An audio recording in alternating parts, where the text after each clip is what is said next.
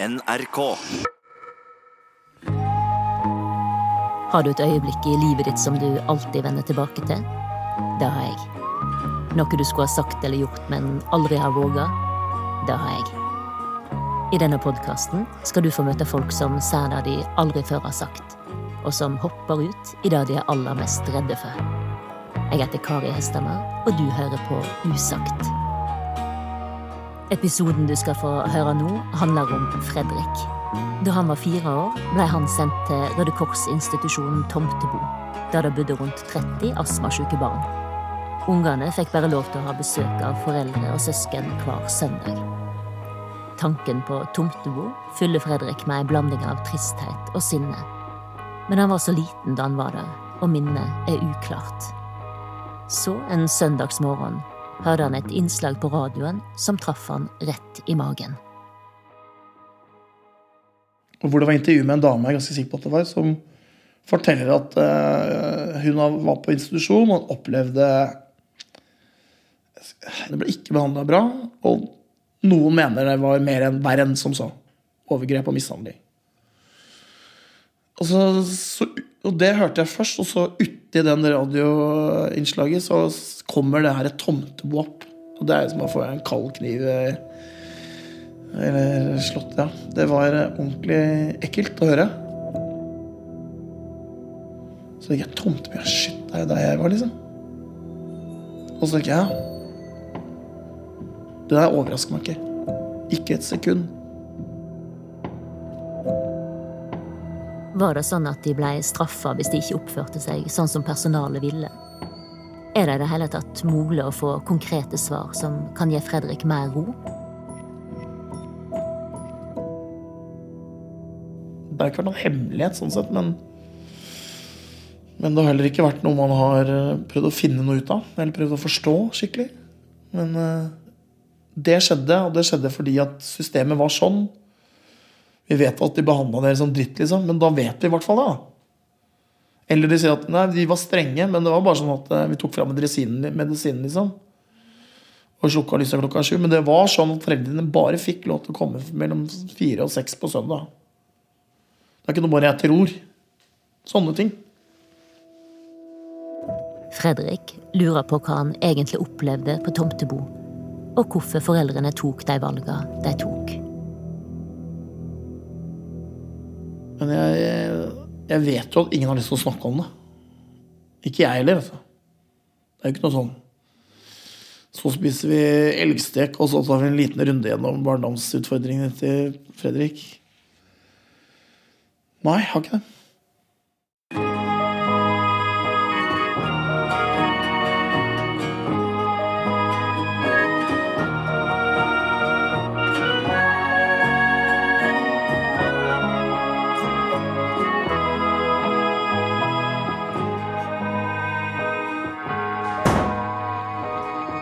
Fredrik er 48 år og styreleder i selskapet jeg jobber i. Han har akkurat ramla ned i sofaen på kontoret vårt. Han er en sånn type som jeg blir i godt humør av å møte. Han ler litt og elsker å være der det skjer. Forsyne seg av det livet byr på. Har du nøttefri sjokolade? Du merker når han kommer inn i rommet. Kanskje litt mandarin? Og det er akkurat som om han alltid er på vei framover mot nye plasser. Han og astmaen. Jeg kan liksom ikke huske at jeg og astma liksom ikke har gått hånd i hånd. Da, for å si det på den måten. Og jeg tenker ofte ikke på det som sykdom heller. Det er bare noe jeg har.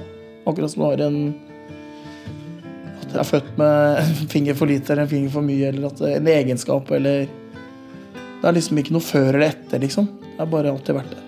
Da vi laga første sesong av denne serien, sa Fredrik at han aldri kunne tenkt seg å stille opp i et program og snakke om det usagte i livet sitt. Skal du spørre meg om ting, eller hva? Ja. Jeg vet ikke helt hvordan sånt funker. For det er jo ikke et intervju, liksom. Men på et eller annet tidspunkt var det noe som endra seg. Han hadde lyst til å finne ut hva som skjedde på astmainstitusjonen Tomtebo, og hva foreldrene tenkte om å sende han dit i seks uker helt alene.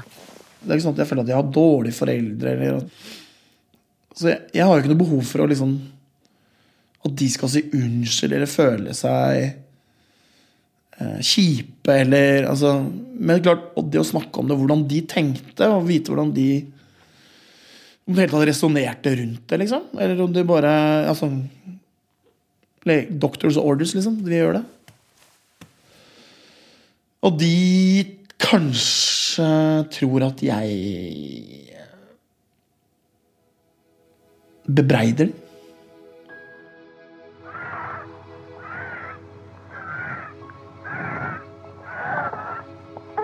Dette er lyden av et barn med tung astma. Fredrik var tre år gammel da foreldra oppdaga at han hadde allergi. Ei teskje med peanøttsmør gjorde at han gikk i sjokk og ble sendt i huet og hast til sykehus. Resten av oppveksten var prega av astmaen. Det skulle nesten ingenting til før han ble dårlig. Jeg husker jo veldig godt at vi var på besøk der hos bestemoren og bestefaren som jeg eh, var veldig mye hos som liten og videre i livet også.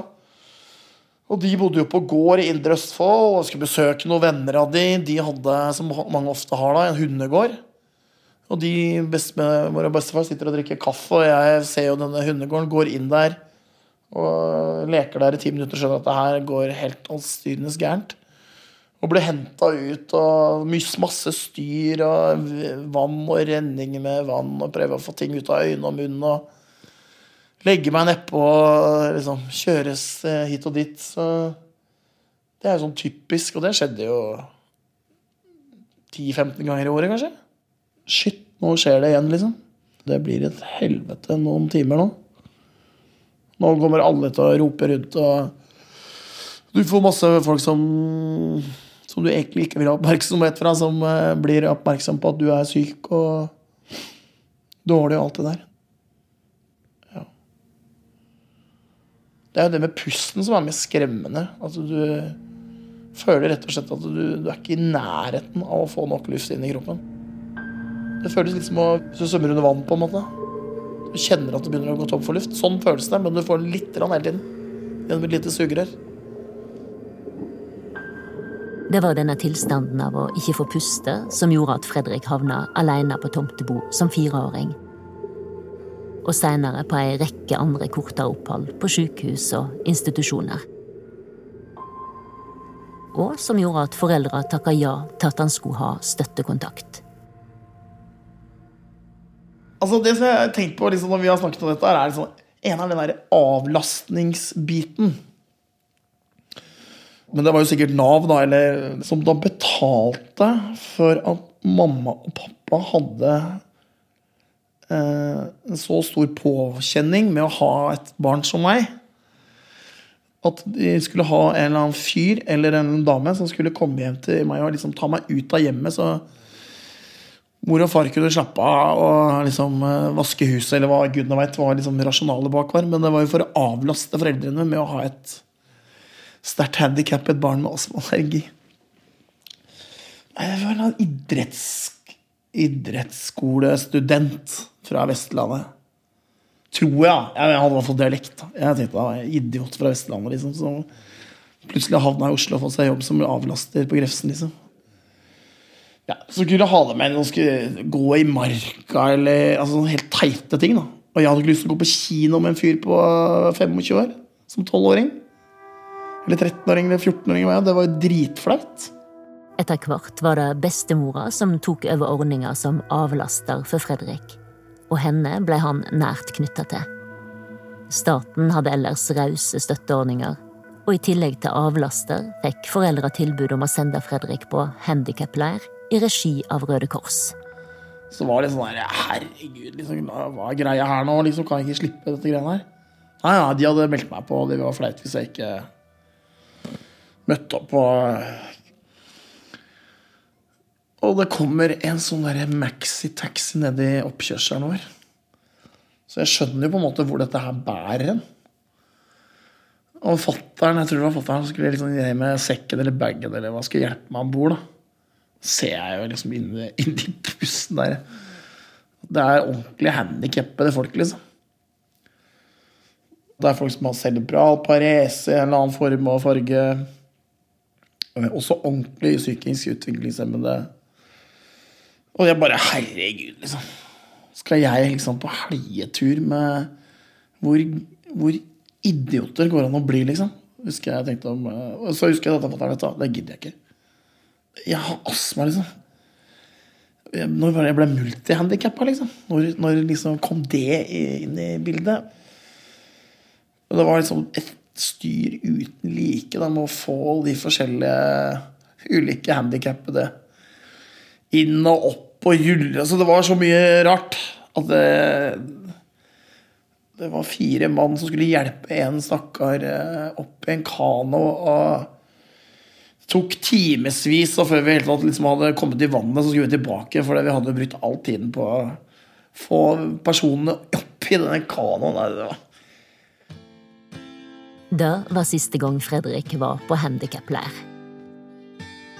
Dette er, det gjør dere aldri mer. Jeg blir aldri, aldri, aldri mer med på sånt tull. Og dere får ikke lov til å melde meg på noe som helst før dere har spurt meg først, liksom. Ferdig snakka. Fredrik liker å underholde med historier om støttekontakter og handikapleir, men har vel aldri helt forstått hvordan han som bare hadde astma, havna der. Ei heller hvorfor han havna på tomtebo uten foreldra sine. I ei tid der det begynte å bli godt utbygde tilbud i nabolaget hans i Oslo, med mer ekspertise enn på Tomtebo. Tomtebo lå på Modum i Vikersund kommune. Det var Røde Kors som drev institusjonen, og det bodde opptil 30 barn der. Fram til det ble lagt ned i 1978. Jeg husker nesten ingenting. Jeg husker, Og jeg blander det med bilder, tror jeg. Jeg husker noen sprinkelsenger, vi var flere på samme rom. At vi ble tatt prøver av i forhold til blodprøver, kanskje. At vi skulle testes på løpet. At det var veldig strengt, mener jeg husker. For det her var jo Ikke sant vi, Det skulle være rent, for at vi skulle liksom måtte klinisk miljø, så de kunne si, teste alt mulig rart. Det var en sånn tristhet over hele det stedet, liksom. Og så vet jeg jo med 100% sikkerhet at det, det, var ikke lov til å ha besøk mer enn tre timer én gang i uka. Det vet jeg. jo. Uansett hva, hvor blid og robust type du er, liksom. Så det gjør noe med deg at du opplever at du er mutters aleine som fireåring. Til syvende og sist så er det bare deg som eh, kan passe på deg selv. Den følelsen sitter jeg jo ofte igjen med når jeg tenker på de tingene der. uh, du kan deg ingen som passer på deg. Og den følelsen kan jeg jo knytte til hele det oppholdet. Og det, ja, det, det er jo ikke noe rart til, liksom, hvis man begynner å tenke rundt det. liksom. Som fireåring blir satt igjen på en institusjon med fremmede barn og voksne. Noe av det som er vanskelig for Fredrik, er at han har uklare minner fra Tomtebo. Men selv om han ikke husker, vender temaet stadig tilbake til han. Seks veker er kanskje ikke så lenge. Men han blir ikke ferdig med det. Før tok han det opp med venner, men da han slutta med. Jeg syns det er utrolig tungt, da, på en måte. Mens jeg tror andre opplever det ikke sånn.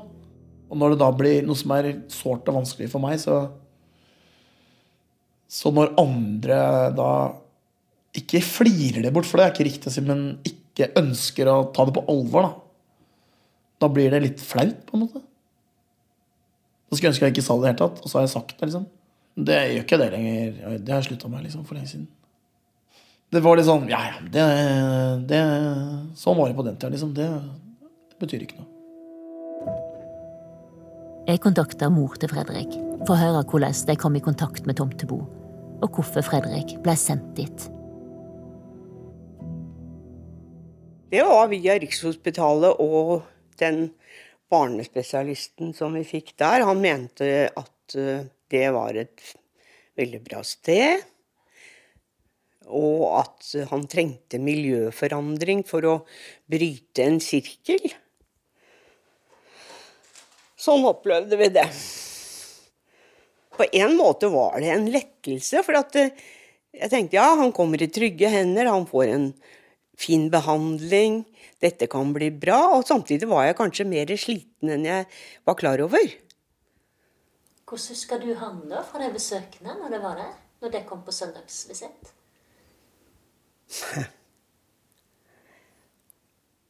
Jeg kan ikke si at jeg At det var helt spesielle ting jeg la merke til. Jeg mener han var glad når vi kom, og, og ikke helt sånn forferdelig lei seg når vi gikk heller. Han hadde jo kamerater på samme alder, og, og virka som han eh, hadde funnet seg til rette der. Men vi snakka nok veldig litt om hvordan han tenkte og følte. Og det ble lenge, for jeg mener bestemt han var der i seks-sju uker. På 70-tallet var det vanlig at barn bodde alene på sykehus uten mor eller far. I dag blir foreldre ofte lagt inn sammen med barnet. Det er 44 år siden Fredrik var innlagt på Tomtebo. I dag er han sjøl far, med tvillinger på 18 år. Det er liksom ikke grenser for hva jeg skal kunne gjøre for dem. Alle sånne ting som du skal være der når de slutter på idretten. De skal ikke behøve vente på deg. Og de skal vite at du er der. Det er kanskje det viktigste. Du skal vite at du er der. Åkke sånn.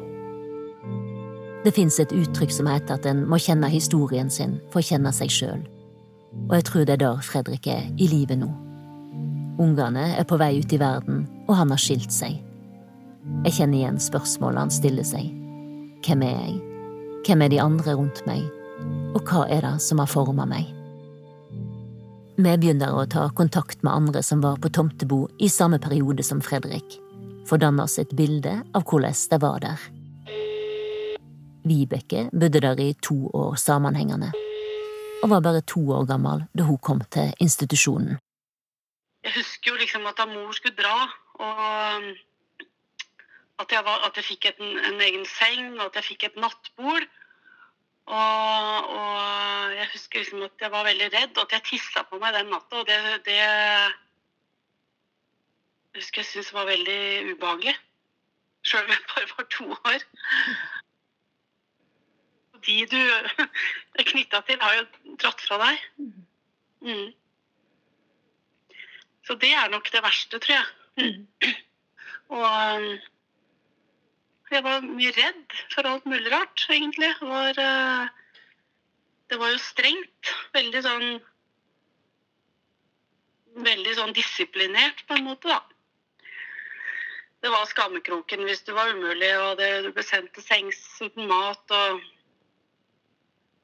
Det var avstraffing med at du måtte sitte igjen hvis du ikke hadde spist opp, sjøl om alle andre fikk gå. Det, um, det, var jo et basseng inne på Modum Bad der, og der uh, måtte vi jo være med og bade. Og da husker jeg satt på kanten og ville ikke uti, men de, de uh, tok meg uti allikevel. Husker jeg var kjemperedd for vann. Jeg hylte og skreik. Mm. Samtidig så hadde vi det jo sikkert fint, vi unga, sånn oss imellom, for vi lekte jo. Det kan jeg huske at jeg lekte jo med unga der. Det hendte seg at noen fikk eh, besøk, og ikke jeg. Og så Det var jo veldig forskjell på det, da, hvem som fikk mye besøk og hvem som fikk lite besøk. Jeg fikk jo oftest, som oftest ikke besøk, for de kom veldig sjelden. Altså, de kom jo bare annenhver én dag annenhver helg. Mm. Hun forteller om mye av det samme som Fredrik. Om følelsen av å være forlatt. Jeg prøver å forstå hvordan det er å være så liten og så dårlig uten å ha nære rundt seg. Jeg lurer på om de var mørkredde, og på hvordan det var å leie seg om kvelden. Jeg var bare redd uh, nattevakta, for hun uh, virka så skummel. Og jeg fikk det for meg at hun så ut som en bjørn, av en eller annen grunn. Mm, om hun kanskje var sinna, eller jeg vet ikke. Det er så lett å glemme at barneblikket er annerledes at en nattevakt kan likne på en bjørn, og at et opphold på institusjon kan fortone seg som en evighet, der du er usikker på om foreldrene dine har dratt for godt. Jeg husker én ting når jeg kom hjem igjen. Og det er at jeg trodde jeg var adoptert. Det er det eneste jeg husker sånn. Det er vel for at jeg har vært borte, da. Jeg huska vel ikke noe annet enn at jeg hadde vært borte, da. Mm. Vibeke var på Tomtebo i to år og trodde hun var adoptert da hun kom hjem igjen. samtale satt på vent. You are now on hold. Fredrik har fått fortalt at han bare var der i seks uker. Han har aldri sett journalen sin, men den kan sannsynligvis fortelle en del om oppholdet hans der, hvis han får han ut. Ika Kongsberg, det er Mona. Ja, hei, dette er Fredrik Syversen som ringer. Ja, Du, hei. jeg ringer for at jeg er på jakt etter min egen uh, helsejournal. Uh, så jeg vet ikke om du trenger et personnummer eller noe sånt? Ne? Tomtebo. Uh, da er det Buskerud fylkeskommune som eh, du må kontakte. Arkivet på Buskerud fylkeskommune. Har du nummeret ditt, eller? Jeg ringer eh, i forbindelse med at jeg har eh, lyst til å finne om det er en journal på meg på Tomtebo. Eh, ja. Og det er det jo selvfølgelig, men eh, jeg klarer ikke å få tak i den. Hvor har du prøvd Jeg har prøvd Riksarkivet, jeg har prøvd Helse Sør-Øst. Og alle veier peker mot Buskerud fylkeskommune av en eller annen grunn. Så jeg fikk beskjed om å ringe deg. Tomtebo har jo vært fylkeskommunalt, så det er riktig at vi har eh, mottatt eh, arkiver. arkiver fra Tomtebo. Ja. Eh, de har vi deponert på interkommunalt arkiv på Kongsberg, som er vår, eh, vårt arkivdepot. ja, de har snakka med. De sier at jeg må ringe deg. Ja, det stemmer. Eh, det du må gjøre da, det vil vi at du skal sende en e-post til vårt postmottak, hvor du oppgir navnet ditt. Og da tar det et par uker, eller er det liksom eh, månedsvis? Hva tenker du? Nei, jeg tenker at uh, du mest sannsynlig vil få svar i løpet av et par uker. Ok. Mens Fredrik venter på journalen sin, snakker vi med flere som var der i samme tidsperiode som han. Noen vil være anonyme. Andre har stått fram med navn før. Sånn. Vi er opptak av samtalene, Så ble det- og Fredrik kommer innom kontoret for å lytte. Vi sitter i hver vår stol og hører på opptakene. For meg så ble, ble det bare nesten fem år med sammenhengende pine. Fordi vi var fratatt så mye. Vi ble tvunget til så mye. Vi ble fratatt alt fra medisiner til for, som en form for straff. Da. Selvfølgelig for meg så var det jo overgrepene som jeg aldri visste når kom. Oh. Eh, på en måte Kvinner som snakker, har fått billighetserstatning fra staten. Og i en artikkelserie i Aftenposten beklager Røde Kors. Det ble i tillegg funnet interne dokument der det ble frarådet at en spesifikk ansatt jobba med små barn. Min historie er jo at hver gang jeg gjorde noe galt, så havna jeg i kjelleren, og der satt jeg på et mørkt rom nede i kjelleren. Nei, jeg blir forbanna, kjenner jeg.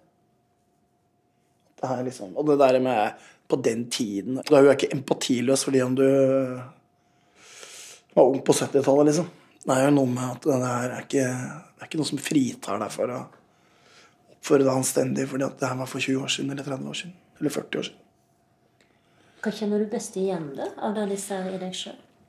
Nei, det er stemningen. At, de, at det er bare negativt. Og at eh, du husker veldig lite.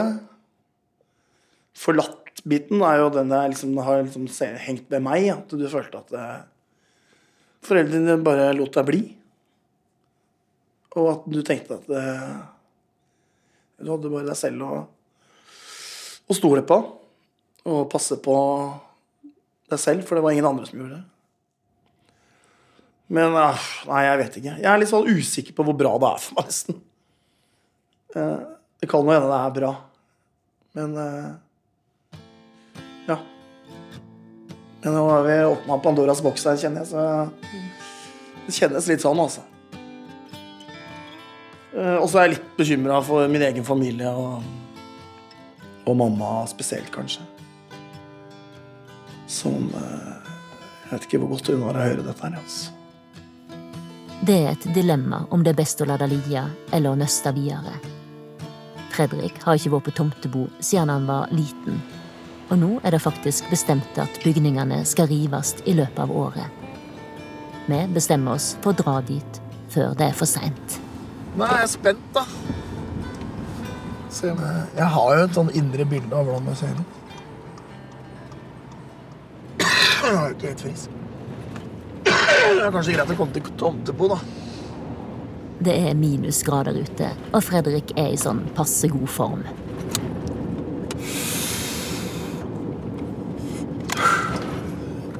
Er klar.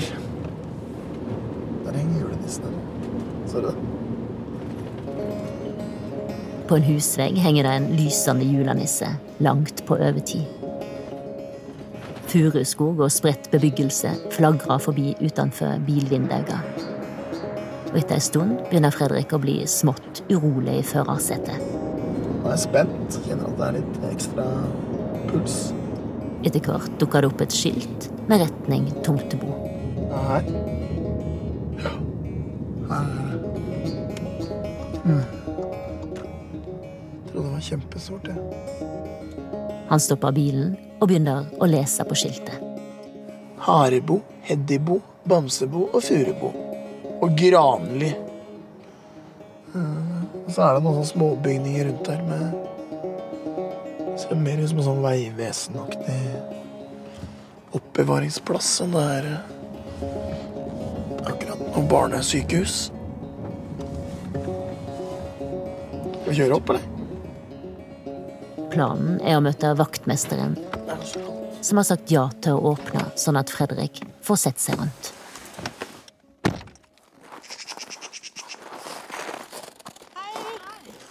I stedet dukker ei litt andpusten dame fra kommunen opp.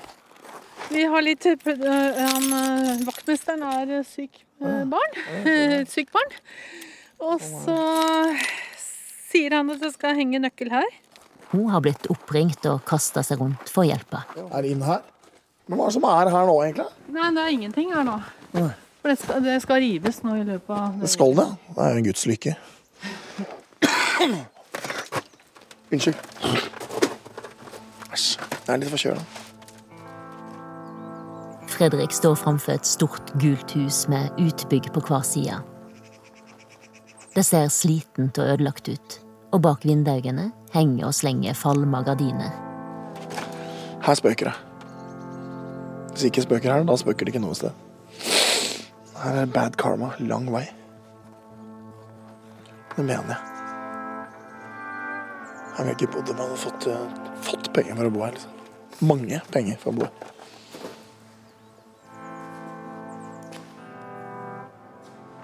Altså Dette er den inngangspartiet jeg husker, liksom. Så henger det fra jakken her. Så her kan jeg tenke meg det var barnerom. Inne er det lange korridorer på rad og rekke. Pastellfarga vegger i mintgrønt, lyseblått og rosa. Barnegardiner med blomster og bamser på. Slitte toalett med do og vask i barnehøgde. Så det er, det er en litt brokete historie. Barna hadde vel sammen kanskje ganske bra, men det er sikkert også eh, en del traumer. Og ikke minst det å reise fra mor og far. Det må det jo Ja, ja, ja, Mm. I dag så legger vi inn, når vi legger barn inn på sykehuset, så legger vi foreldrene inn på sykehuset. Mm. Vi tenker annerledes på det i dag. Fredrik stopper opp og ser på et stort veggmaleri av en eventyrskog med ugler og småfugl, hare og ekorn. Og et troll med grått fjes som nesten ser ut som det skal komme ut av bildet. Han der husker jeg godt. Nøkken. Eller noe i den døren. Dette er jo den uh, Beskow-boka. 'Barna i tomteskogen'. Fredrik husker godt historien om tomtebarna. De bitte små barna som bor trygt under røttene med foreldra sine. Som leker med frosker og flaggermus. I fjellet bor et gammelt troll som barna må snike seg forbi. Av og til kommer det ut. Tenk så morsomt å være tomtebarn, står det i boka. 1944, ass. Jammen er Per Obel som har tegna. På veggen der da. Må jo vært der oppe, da. Han har vært der flere ganger. Ja. Fredrik går fra rom til rom og tar inn alt han ser. Så vil han plutselig ut. Fort.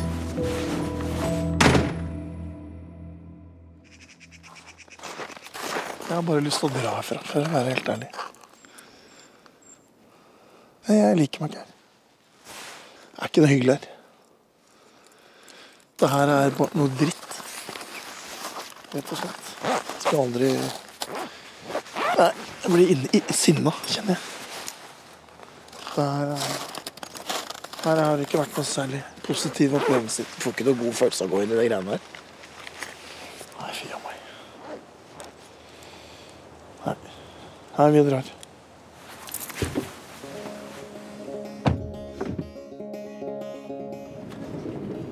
Jeg ble forbanna. Sånn ordentlig sinna. 88 var et rotterein. Og det er jo sånn unnskyld jeg leste når du liksom Det er ingen som tar ansvar for sånne ting. Det var tidens tann, og det var sånn det var. Ja. Verden var annerledes. Og...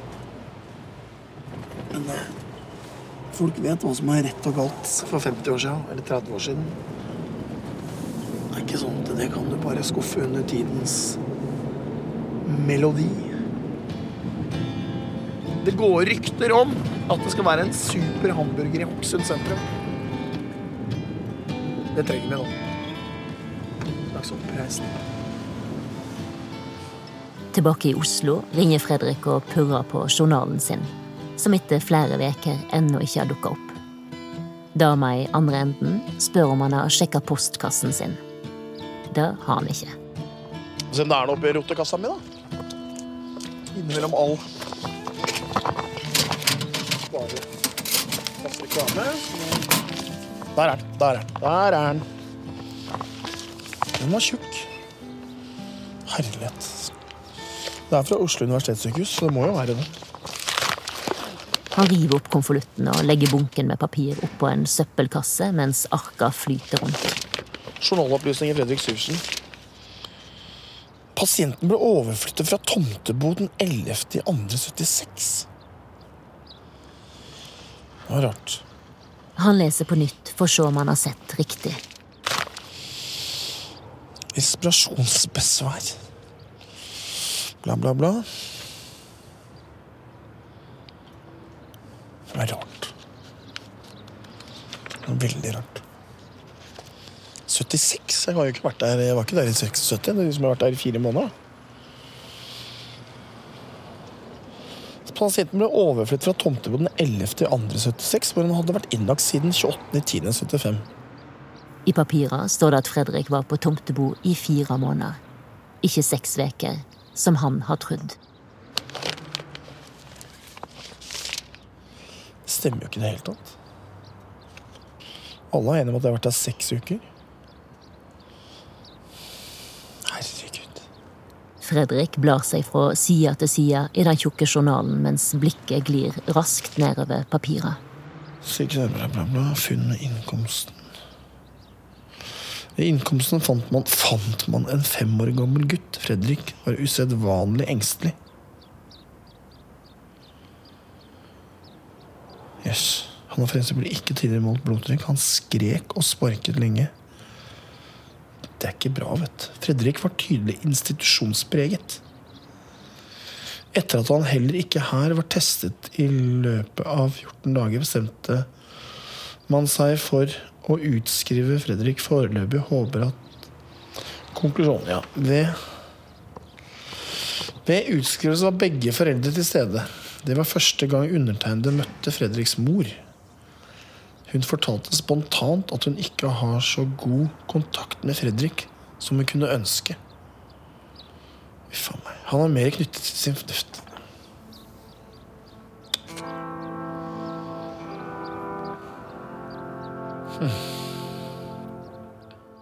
Mye av journalen handler om det medisinske, og vi kontakter han som var den fremste eksperten på barn og astma på 70-tallet, Jens Legård. Han syns det er rart at Fredrik ble sendt så langt bort hjemmefra, til en institusjon som snart skulle leies ned, når det fantes moderne og bedre tilbud i Oslo. Det står og faller egentlig litt på dette med at uh, han var så liten. Og, derfor, og uten noen liksom nære kontakter. Så Det virker nokså brutalt. Alle er fremmede. Det gjøres jo ting, og man savner selvfølgelig mor og far og søsken. Og sikkert lei seg, gråter, blir ikke trøstet og, og vet aldri om man kommer hjem.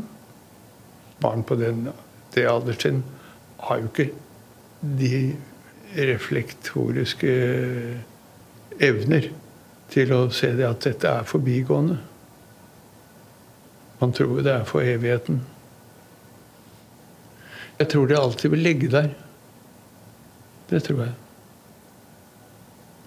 Selv om uh, man kan bearbeide det og snakke om det. Men helt borte tror jeg ikke det noen gang blir. Det har gått flere måneder siden vi begynte å grave i denne historien sammen med Fredrik.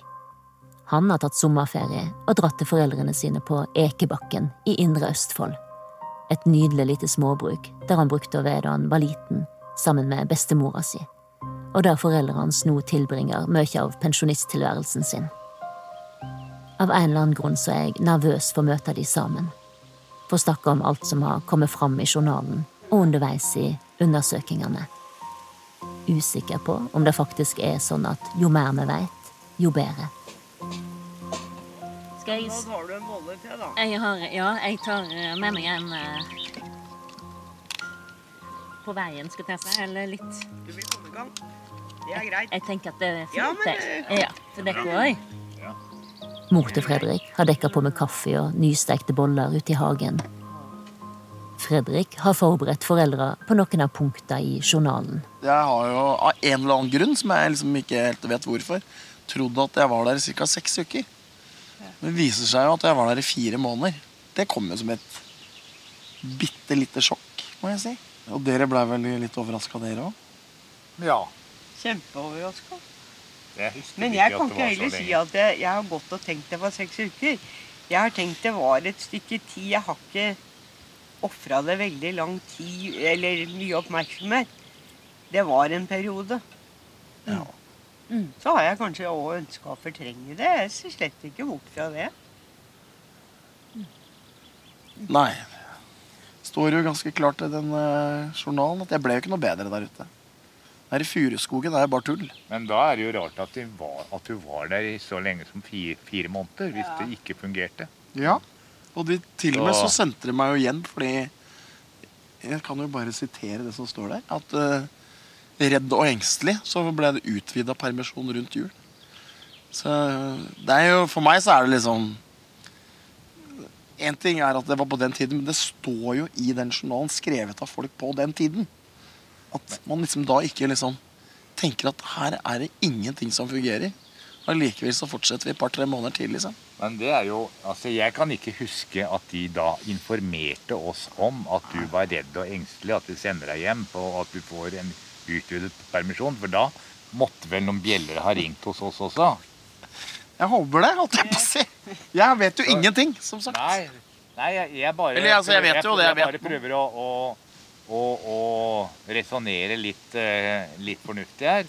Ja. Eh, Jeg kan jo vri på det. men Jeg synes det er rart hvis de ikke har sagt fra til dere at Fredrik er på utvida permisjon. Det må jeg jo si. Må jo være ærlig på det. Det kan nok hende de har sagt, men jeg tror aldri vi fikk høre sånn som jeg Neida.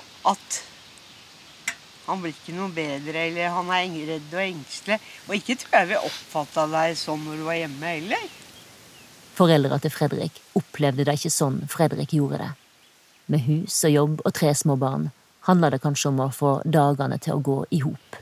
Altså at vi har vært så bevisstløse som jeg opplever meg i etterkant, har med rett og Det er fælt å si det, men praktiske ting. Det at vi bygde, det at vi kjøpte hytte, det at vi, jeg jobba, altså hadde to andre unger og Altså Dessverre så tror jeg ikke at eh, man Ja ja, da han suste og gikk, det var litt den holdningen der. Jeg tror ikke jeg var voksen. Det har jeg blitt etter jeg fikk barnebarn. Iallfall mer voksen. Fredrik vil aldri få alle svar på hvordan han blei behandla på Tomtebo. Men han har fått noe som for han er mye viktigere. I det store så handler det egentlig om at da vet vi som sto meg nærmest, og som står meg nærmest den dag i dag, vi er enige om å ha fått på en måte plass. Noe helt konkret i forhold til hva som har skjedd. Og så er det noen biter som fortsatt mangler. Og det kan jeg fint leve med. At puslespillet ikke blir helt komplett, det, det er ikke noe problem. Vi er på, liksom, på 85% liksom. Det holder lenge for meg. Selv om eh, vi har liksom utfordra mine foreldre litt, så er det jo mye takket være dem at det har gått så bra som det har gått. For mange av de andre som var der, gikk det ikke bra med i det hele tatt. Det er sikkert sunt også å åpne boka på nytt igjen. Ja. Hva tenker du at det kan gi deg? Nei, et, et annet Det kan vel være et uh, annet forhold til Fredrik. Mm. Og uh, forstå kanskje noe av de reaksjonene som har, uh, har skjedd. Ja, men Det var jo som du sa til, til morgenen i dag, litt at vi hadde jo ikke noe enkelt forhold. Det, vi ja. hadde ikke så veldig god relasjon i tenår. Altså, Du var i opposisjon til så vi takla det vel ikke på den måten som hadde vært lurt å takle det. Og Nei, men det tror jeg ikke vi skal stikke under en stol. Mm. Og ergo så Så det er jo ikke bare liksom at boff, så ble du 30-40 år. Og så kom reaksjonen. Jeg mener, vi hadde kontroverser ganske Jevnlig. mange år. Mm. Men det er sikkert òg noe som han har gått av og båret på i forhold til Tantebo som, som kanskje har vært en innestengt aggresjon som var retta mot oss, men han kunne vel ikke, du kunne ikke ta det helt direkte ut. Vi, vi kunne anerkjent mer at du har hatt et opphold som har vært alt annet enn positivt. Og kanskje lagt mer vekt på det i forhold til å be om tilgivelse. Det har jo jeg tro på. Og forstå at det skaper forståelse. Og jeg tenker jo at de har ikke skjønt Jeg har ikke skjønt hvor stort dette har vært i ditt liv. Og det syns jeg er vondt. Men det er jo sånn det er. Jeg sitter og tenker på at det er noe stort i å ikke gå i forsvar, og på hvor stor kjærleikshandling det faktisk er å sette den andre sine følelser framfor sine egne. Jeg kan ikke underslå at jeg handla på noen områder svært lite klokt. Og det er jeg lei meg for. Men det får jeg ikke gjort om. Og så tenker jeg at jeg får gi det jeg har, til barnebarn når de trenger meg. Og prøve å vise det på den måten.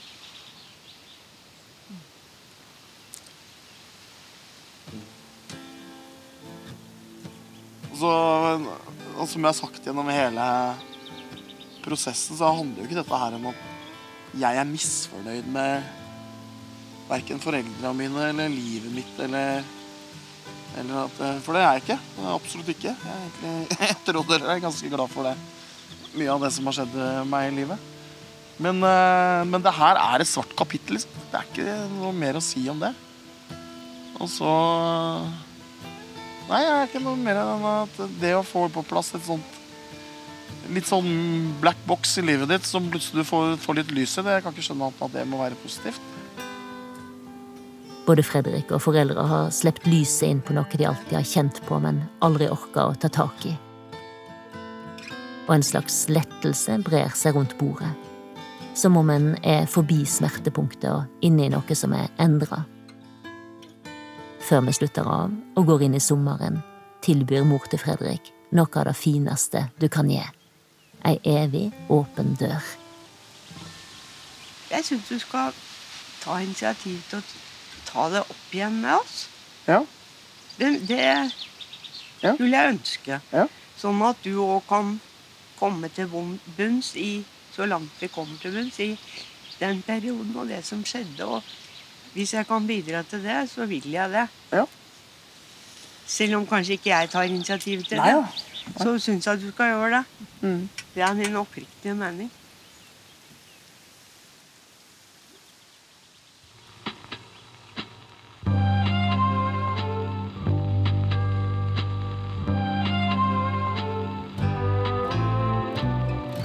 Du har hørt Usagt og episoden om Fredrik.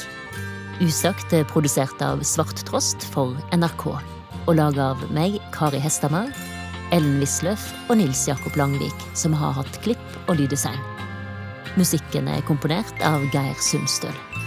Sindre Leganger har gitt gode innspill underveis, og redaktør i NRK er Siril Heierdal.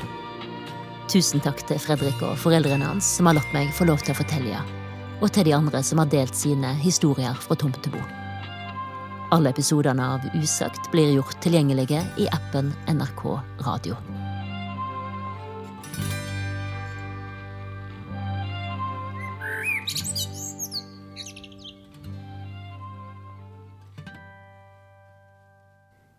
Neste episode kommer mandag 9. desember. Hei, jeg heter Joakim Førsund, og det siste året har jeg snakka med flere av dem som reiste inn i den blodige borgerkrigen i Syria. Og resultatet er blitt podkasten Det svarte flagget. Du finner den og de andre podkastene NRK har laga, på appen NRK Radio.